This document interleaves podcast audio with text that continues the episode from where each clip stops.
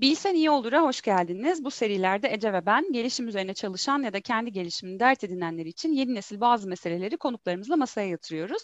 Yeni bir bölümle daha karşınızdayız. Benim çok heyecanla beklediğim bir bölüm. Ee, bugün iki tane konuğumuz var. İlk defa e, Mert Onaran ve Okan Aracagök. Onları imkansız 42 kilometreyle belki tanıyorsunuz, belki daha önce hiç duymadınız. Bizim amacımız aslında onların hikayesini sizlere ulaştırmak. Öncelikle hoş geldiniz. Kısaca sizi tanıyarak e, başlayalım başlayalım isterim. E, Mert senden başlayalım mı? Mert kimdir? Merhabalar, hoş bulduk. Ee, şöyle Mert kimdir? Ee, Mert 1983 yılında İzmir'de doğdu. Ee, şu an evli ve bir kız çocuk babası.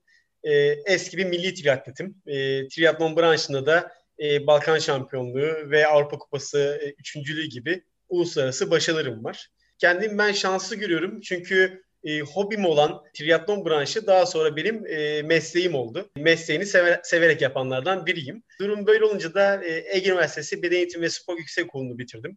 E, orada yüksek lisansımı yaptım ve e, antrenörlük kariyerim başladı. Burada da hem triatlon branşında e, milli takımda antrenörlük yaptım. Birçok başarılı sporcular yetiştirdim. Hem özel sporcularla çalışıyorum. Orada da milli takım antrenör olarak görev aldım. Bunun dışında da bedensel engellilerde de triatlon branşında antrenör olarak yine milli takım antrenör olarak görevimi sürdürüyorum. Senin piyasada bilinen bir de adım var. Zalım diye geçiyor. Dolayısıyla hoca olarak ki benim de bir dönem hocalığımı yaptın. E, müthiş bir gelişim sağlattın kesin herkese. Şimdi tam olarak o zaman Okan'a belki söz verelim. Okan da kendi kısacık anlatsa bizim için nefis olur. Merhaba, hoş bulduk öncelikle. 1979 İzmir doğumluyum. Okan Aracagök. Valla çocukluğum çok hareketli geçti. Ondan sonra işte 17 yaşında Fethiye Göcek'te dayımın teknesinde tur düzenlerken talihsiz bir kaza geçirdim. Yaşlı bir bayana yardım etmek için sığ suya atladım. Boynumu kırdım ve omurilik felci oldum. Yaklaşık 26 senedir e, hastalık demeyeyim de bu vakanın içindeyim. Hani omurilik felci vakasının içindeyim ve devamlı fizik tedavi işte süreci başladı. Ameliyat ondan sonra fizik tedavi ve tabii sosyal hayat olarak da sporla fizik tedaviyi bir arada götürmeye başladım. Bu arada işte eğitim hayatı devam etti. Eğitim hayatında bazı talihsizlikler oldu. Üniversiteyi yarıda bırakmak zorunda kaldım. Ve yollarımız Mert Hoca ile kesişti.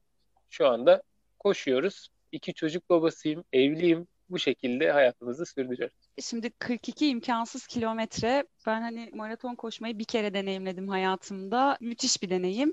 Siz ikiniz bunu yaptınız. Birazcık bize hem belgeseli hem oradaki hikayeyi özetler misiniz? Nasıl başladı, nasıl tanıştınız, nasıl karar verdiniz ve nasıl geçti o süreç?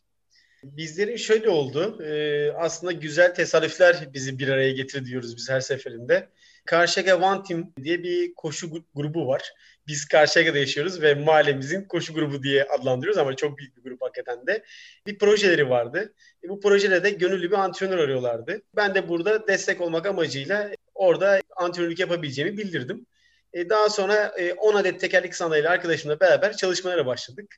Yine şehrimizde yapılan e, Wings for Life World Run e, koşu yarışı için e, çalışmalarımızı sürdürdük ve bu süreç 3 ay devam etti. Haftada 2 gün olarak biz yine eşleşerek e, tekerlekli sandalyeli bireylerle beraber çalışmalar yaptık ve sonunda da e, Wings for Life e, World Run yarışında e, hedeflediğimiz kilometrelerde yarışımızı tamamladık.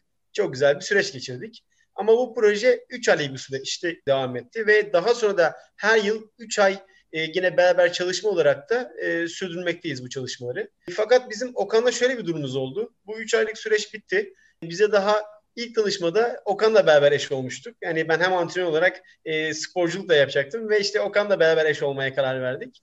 Okan bana şöyle bir kelime kullandı. Hocam dedi yani bu 3 aylık süreç bittiği için çok üzgünüm. Çünkü dedi benim hayatımda çok büyük bir yer e, etti koşu. Çok keyif alarak yapıyorum. Ne yapacağım onu e, düşünüyorum şu an. E, bu boşluğu nasıl dolduracağım diye düşünüyorum dedi.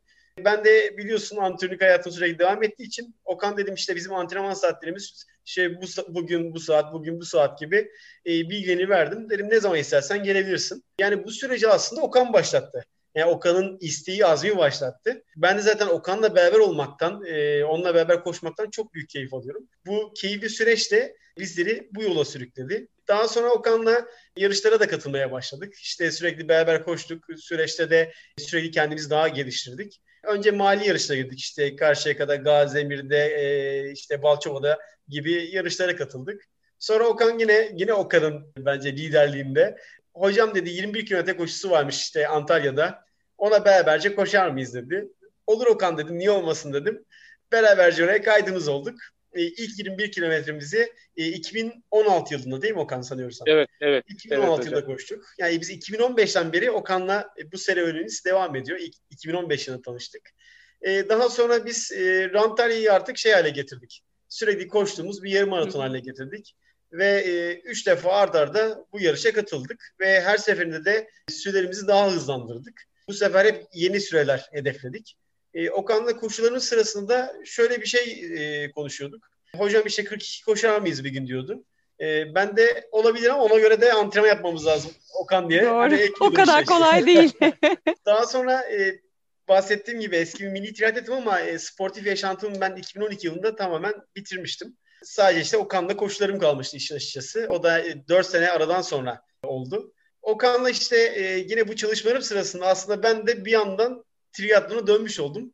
Ve e, bir triatlon yarışına katıldım ülkemizde.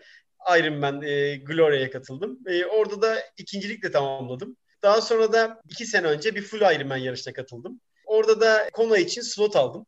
Durum Senin antrenmansız halin hepimizi gömerek üzerinden Şey, geçer. iyi, iyi- iyi bir antrenman dönemi geçirdim. Yani bir 6 ay kadar iyi bir antrenman dönemi geçirdim. Daha sonra dünya şampiyonasına slot alınca da Okan dedim ben bu sene iyi antrenman yapacağım. Hazır fırsat bu fırsat. İşte bir hayalimizi gerçekleştirelim, bir hedefimizi daha yapalım. İstersen dedim bu sene 42 kilometre koşalım. Okan da hocam dedi sen varsan ben her zaman varım. Zaten bizim sloganımız haline geldi bu. Beraberce hep yürüyoruz, beraberce koşuyoruz. E, ve böylelikle 42 kilometre e, kaydımız olduk. İşte otelimizi aldık, yol planlamamızı yaptık, çalışmalarımıza başladık. Bu süreçte de e, yine çok sevdiğim bir arkadaşım ve benim sporcum Murat beni telefonla aradı. E, Murat Güney. E, o da Toyota'da pazarlama müdürü. Mert dedi işte bu sene dedi madem Kona'ya gideceğiz.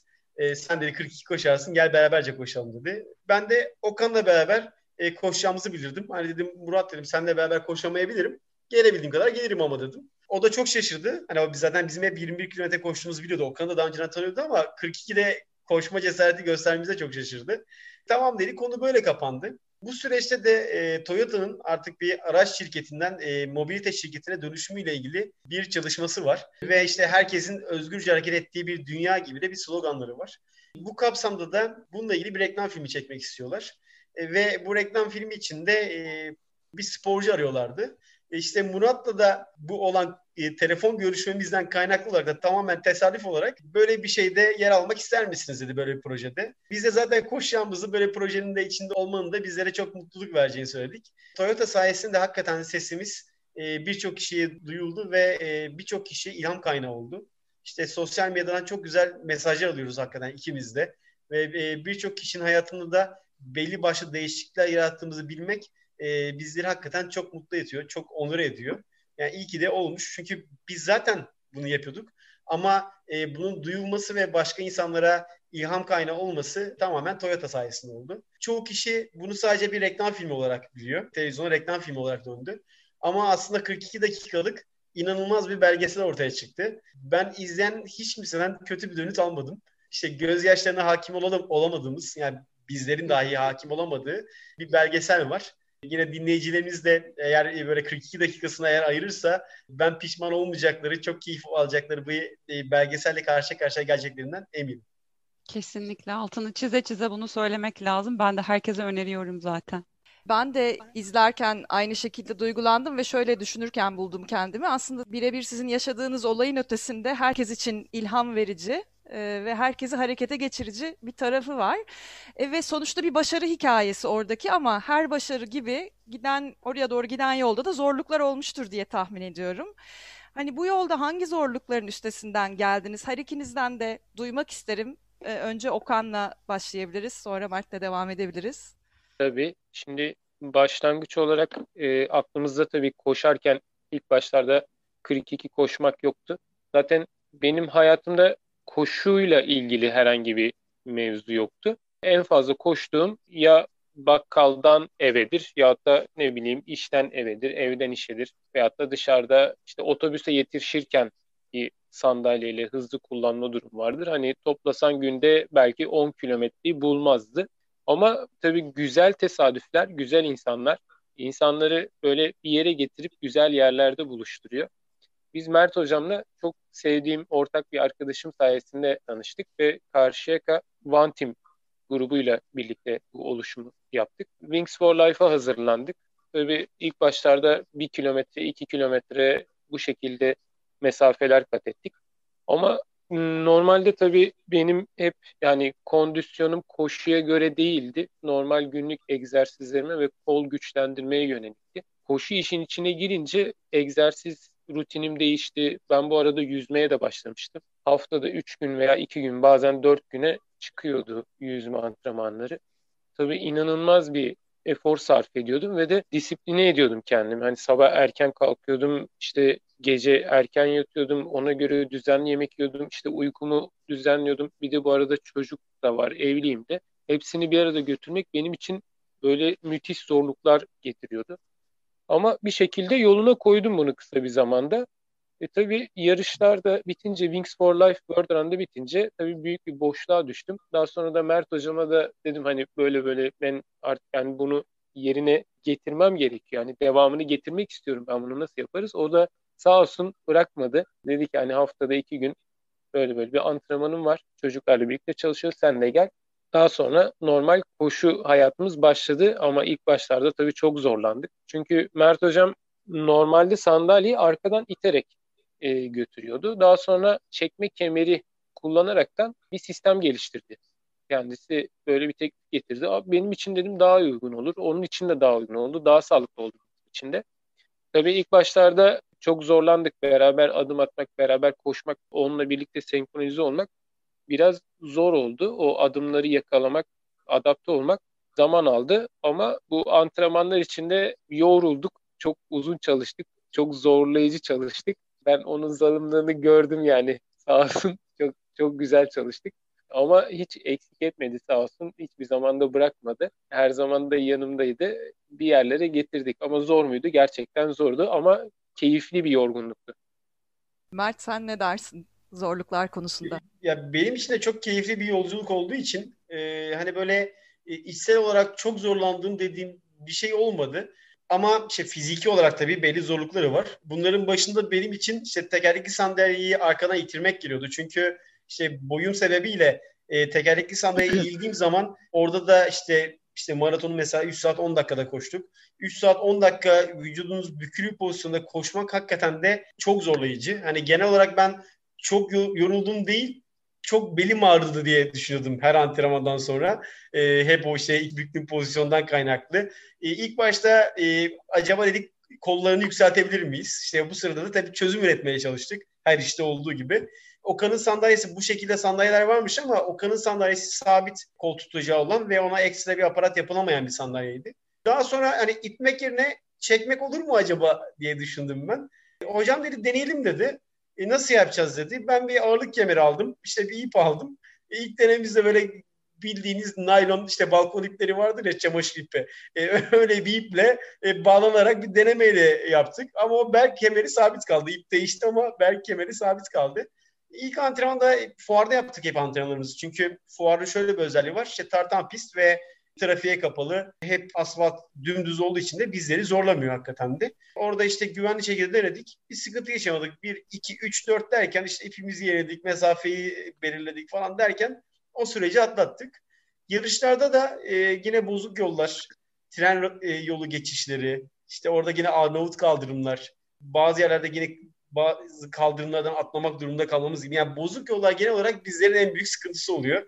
Zaten o belgeseli izleyenler de görür. Hep ben böyle kolumla belli başlı işaretler yapıyorum. Daha sonra onu da antrenmanlar yapmaya başladık. Okan'da farklı parkurlara giderek yönlenmesine sağlamaya, sağlamaya çalıştık. Çünkü işte yokuş aşağı indiğimiz ve keskin dönüşler yaptığımız yerler var. Ve Okan orada tamamen işte ipten destek alarak o keskin dönüşü yapması gerekiyor. Beraber senkronize çalışmamız gerekiyor. Ama süreç içinde bunların hepsini öğrendik. İşte diğer bir sıkıntı yağmur oluyor bazen. Hani dediğim gibi bu ya bunları aslında hiç sıkıntı olarak görmüyoruz. Yani çok keyif, hepsinden çok büyük keyif alıyoruz. Ben arkaya bakıyorum, işte Okan çamur içinde ama kahkahalar atıyor. Yani e, o yüzden hani başta onu söyledim. Hani bu zorlukların hiçbiri e, bizleri hem yıldıramadı hem eğlencemizi bozmadı. Hani ben Okan abi bildiğin hani sağanak var koşmayalım bugün dediğim zaman yok yok hocam koşalım koşalım ne olacak gibi hep böyle e, bir dönüt alıyorum. İşte ilk mesela Gazemir koşusuna gittik. inanılmaz bir sağanak vardı.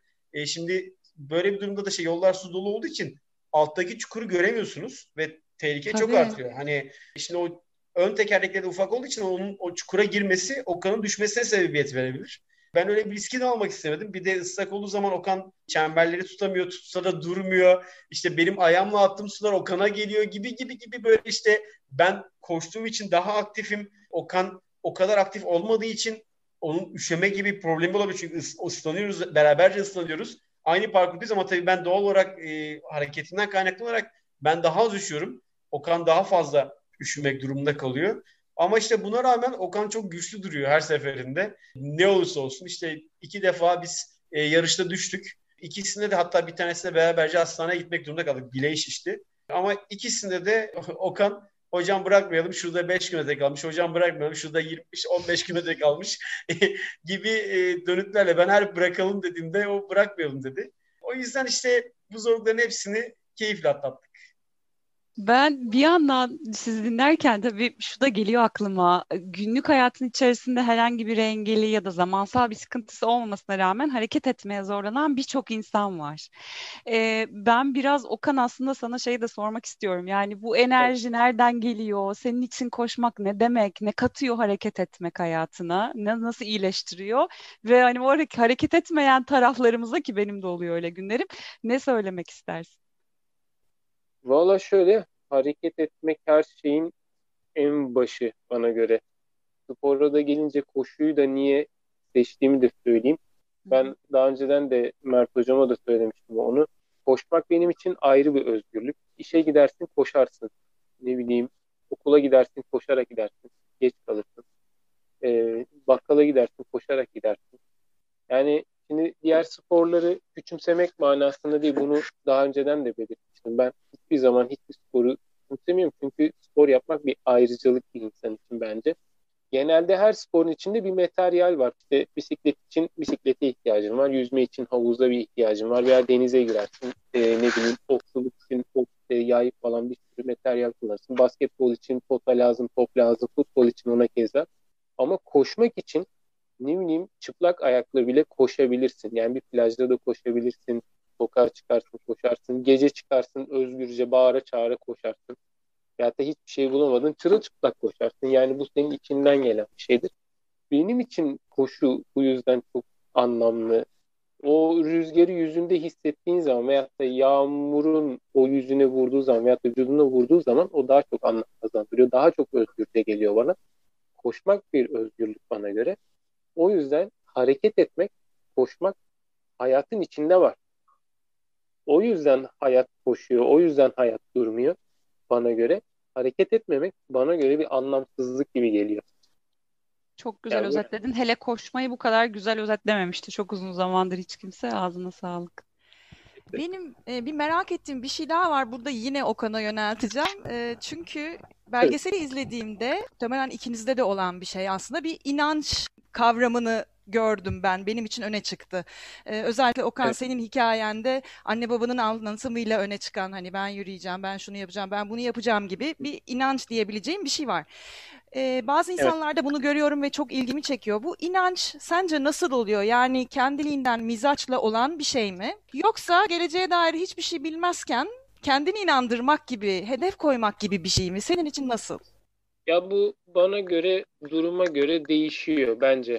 Hani yapacağın işe ve boyutuna göre değişiyor. Ama ben kaza geçirdiğimde yürüyeceğimle ilgili kimse bana demedi ki hani sen şu gün yürüyeceksin, şu şekilde yürüyeceksin veyahut da ne bileyim şunu yapacaksın. Ama sadece bana söylenilen hastaneye girdiğimde, kaza geçirdiğimde omuzumun hizasında işte köprücük kemiğinde bir çizgi çizildi. Kendime kalemle dediler ki işte buradan aşağı his yok ve sadece doktorun söylediği günde 15 dakika belki oturabilirsin. Şimdi bu beni bayağı bir kırbaçlamıştı. Bana da bir şeyi yapamazsın, edemezsin dedikleri zaman bu daha çok böyle bir kırbaçlama durumu oluyordu. İnanç insanın kendi içinde öncelikle. Hani bu tabii kişiye göre de değişiyor. Şimdi beni kırbaçlayan bir şey bir başkasını belki daha kötü bir ne bileyim çukura sokabilir. Tabii bu insanın kendi karakterine bağlı ama ben hiçbir zaman karşımdakinin söylediğinle kendimi bir yerlere getirmedim diyeyim ama bu beni baya böyle bir kırbaçlamış gibi oldu. Ben dedim eğer kendimi tanıyorsam, kendimi de biliyorsam yani ben bu durumun içinden çıkacağım çünkü bunu ben kendim yaptım, kendim düzelteceğim. Yani kimse beni iktirmedi. Git yaşlı bayana yardım et demedi. Suya da atla demedi. Yani bu tamamen benim kendi öz irademle oldu. Yani bunu da düzeltip e, bir yere getirmek tamamen benim elimdeydi. Çok böyle inançları kuvvetli olan bir insan değilim. Hani e, ama kendime inancı gerçekten çok kuvvetli. Eğer kendime gerçekten inanıyorsam, kendime gerçekten güveniyorsam o konuda e, yapamayacağım bir şey yok diye düşünüyorum her zaman bize çok güzel bir şey hatırlatıyorsun. Kendine inançla ilgili. Biraz Mert'e de aslında bu konuda da bir şeyler yöneltmek istiyorum soru olarak. İyi bir sporcunun ki sen atlet yetiştiriyorsun. Ee, olmazsa olmazları neler sence? Çünkü bu hayatımız triatlondan ya da işte e, uzun soluklu mesafe yarışlarından çok da farklı değil. E, iyi bir sporcu kime denir? Ne yaparlar onlar? Yani özellikle bizim branşımızda e, yetenek değil, azim çalışma çok çok daha ön planda oluyor. Çünkü yetenekli bir sporcu çalışmadıktan sonra e, hiçbir şekilde yani tesadüfle birinci olma şansı yok bizim branşımızda. O yüzden hani triatlon branşı için söylüyorum ve uzun mesafe koşucular için söylüyorum. E, birinci olarak kesinlikle çok disiplinli olmalı. E, ikinci olarak e, çalışma azmi ve pes etmeme duygusu olmalı. Üçüncü olarak da planlama yeteneği olmalı. Çünkü bu üçü de hakikaten de başarıyı getiriyor. Ee, benim başarılı sporcuların hepsi bu üç özelliğe sahip. O yüzden bunları öncelikli özellikler diyebilirim. Ee, orada işte e, Okan'ın söylediği gibi pes etmemek, devam etmek en önemli kural. E, ben de çoğu zaman işte benim de gündelik yaşantım işte sabah 6'da başlıyor. Gece 11'lere kadar devam ediyor ve çoğu arkadaşım bu gücü nasıl buluyorsun? Bu kadar çok şeye nasıl e, yetişebiliyorsun diyor. İşte orada e, planlama yeteneği, disiplin ve çalışma azmi giriyor. E, bunlar da ben benim kamçalayıcı şeyim hedeflerim.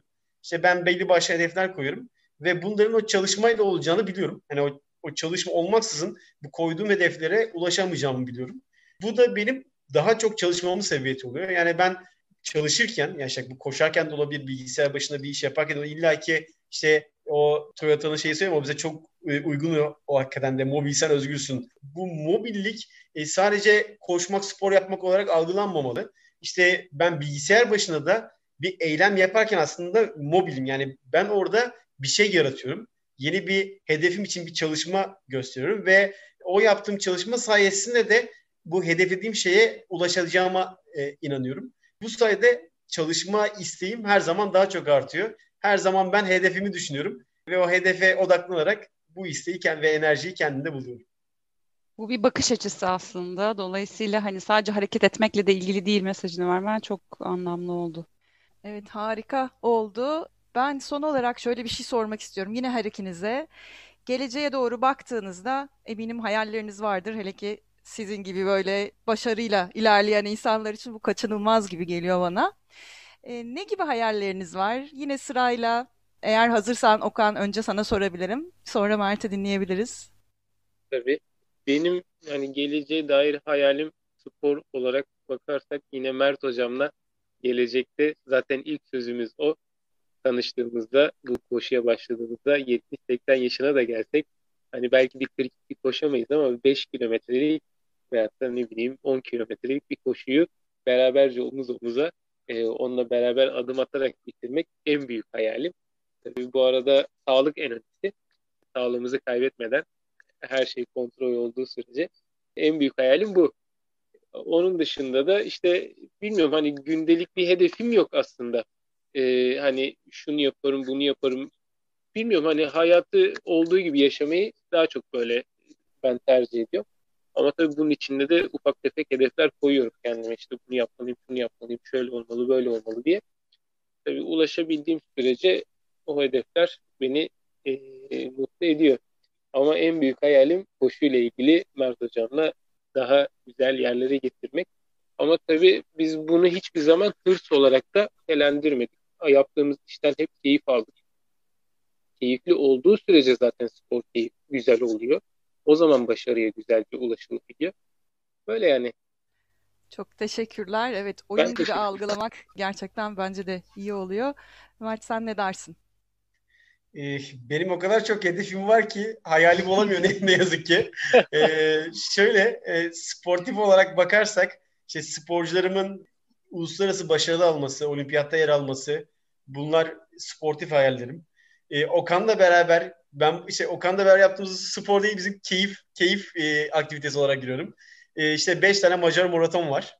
Bunlara her sene işte bir tanesine girerek oranın işte barajlarını geçerek bu 5 Macar maratonu bitirene de e, özel bir madalya veriyorlar. E, hepsinin birleşiminden oluşan. Bu madalyayı almak gibi şöyle bir hedefimiz oluştu. E, Tuna diye otizmli sporcum var. İki defa İstanbul Boğazı'nı, iki defa Çanakkale Boğazı'nı geçtik. İşte onunla manşı geçen e, ilk otizmli sporcu olur muyuz diyoruz. E, işte Uğurcan var. Paralimpik triyat, para triatletlerde şimdi olimpiyat hedefiyle çalıştığım atletim kendi kişisel hedeflerim var. İşte Kona'da dünya şampiyonasında yaş gruplarında nasıl bir derece yaparım. Ailemle beraber güzel günler geçirme, kızıma en iyi şekilde yetiştirme hayallerim var. Yani hedeflerim var. Bunlar aslında diyorum hayal değil hedeflerim çünkü bunların hepsini başarabileceğime inanıyorum. İşte o yüzden benim böyle çok farklı odalarım var. Hepsinde de farklı farklı hedeflerim var. Ben hepsinin tek tek kapılarını açmaya çalışıyorum ve de hepsini bir arada açmaya çalışıyorum. Böylelikle de işte günlerimi çok çalışarak geçiriyorum. Ağzına sağlık. İkinizin de öyle aslında. Hem ağzınıza sağlık hem ayağınıza sağlık. Ee, hem de müthiş bir fikri e, bizlerle buluşturduğunuz için e, çok teşekkür ederiz. Ben dinleyenler adına da izleyenler adına da. E, benim hani hem böyle kalbim ısınıyor hem zihnimde çok ciddi anlamda ilham alıyorum sizden. E, çok teşekkür ederiz konuk olduğunuz için de. Umarım çok daha fazla insan imkansız 42 kilometreyi izler ve sizin hikayenizi tanır. Ağzınıza sağlık. Görüşmek üzere tekrar. Biz teşekkür ederiz. Görüşmek üzere. Sağ olun. Görüşmek üzere. Hoşçakalın.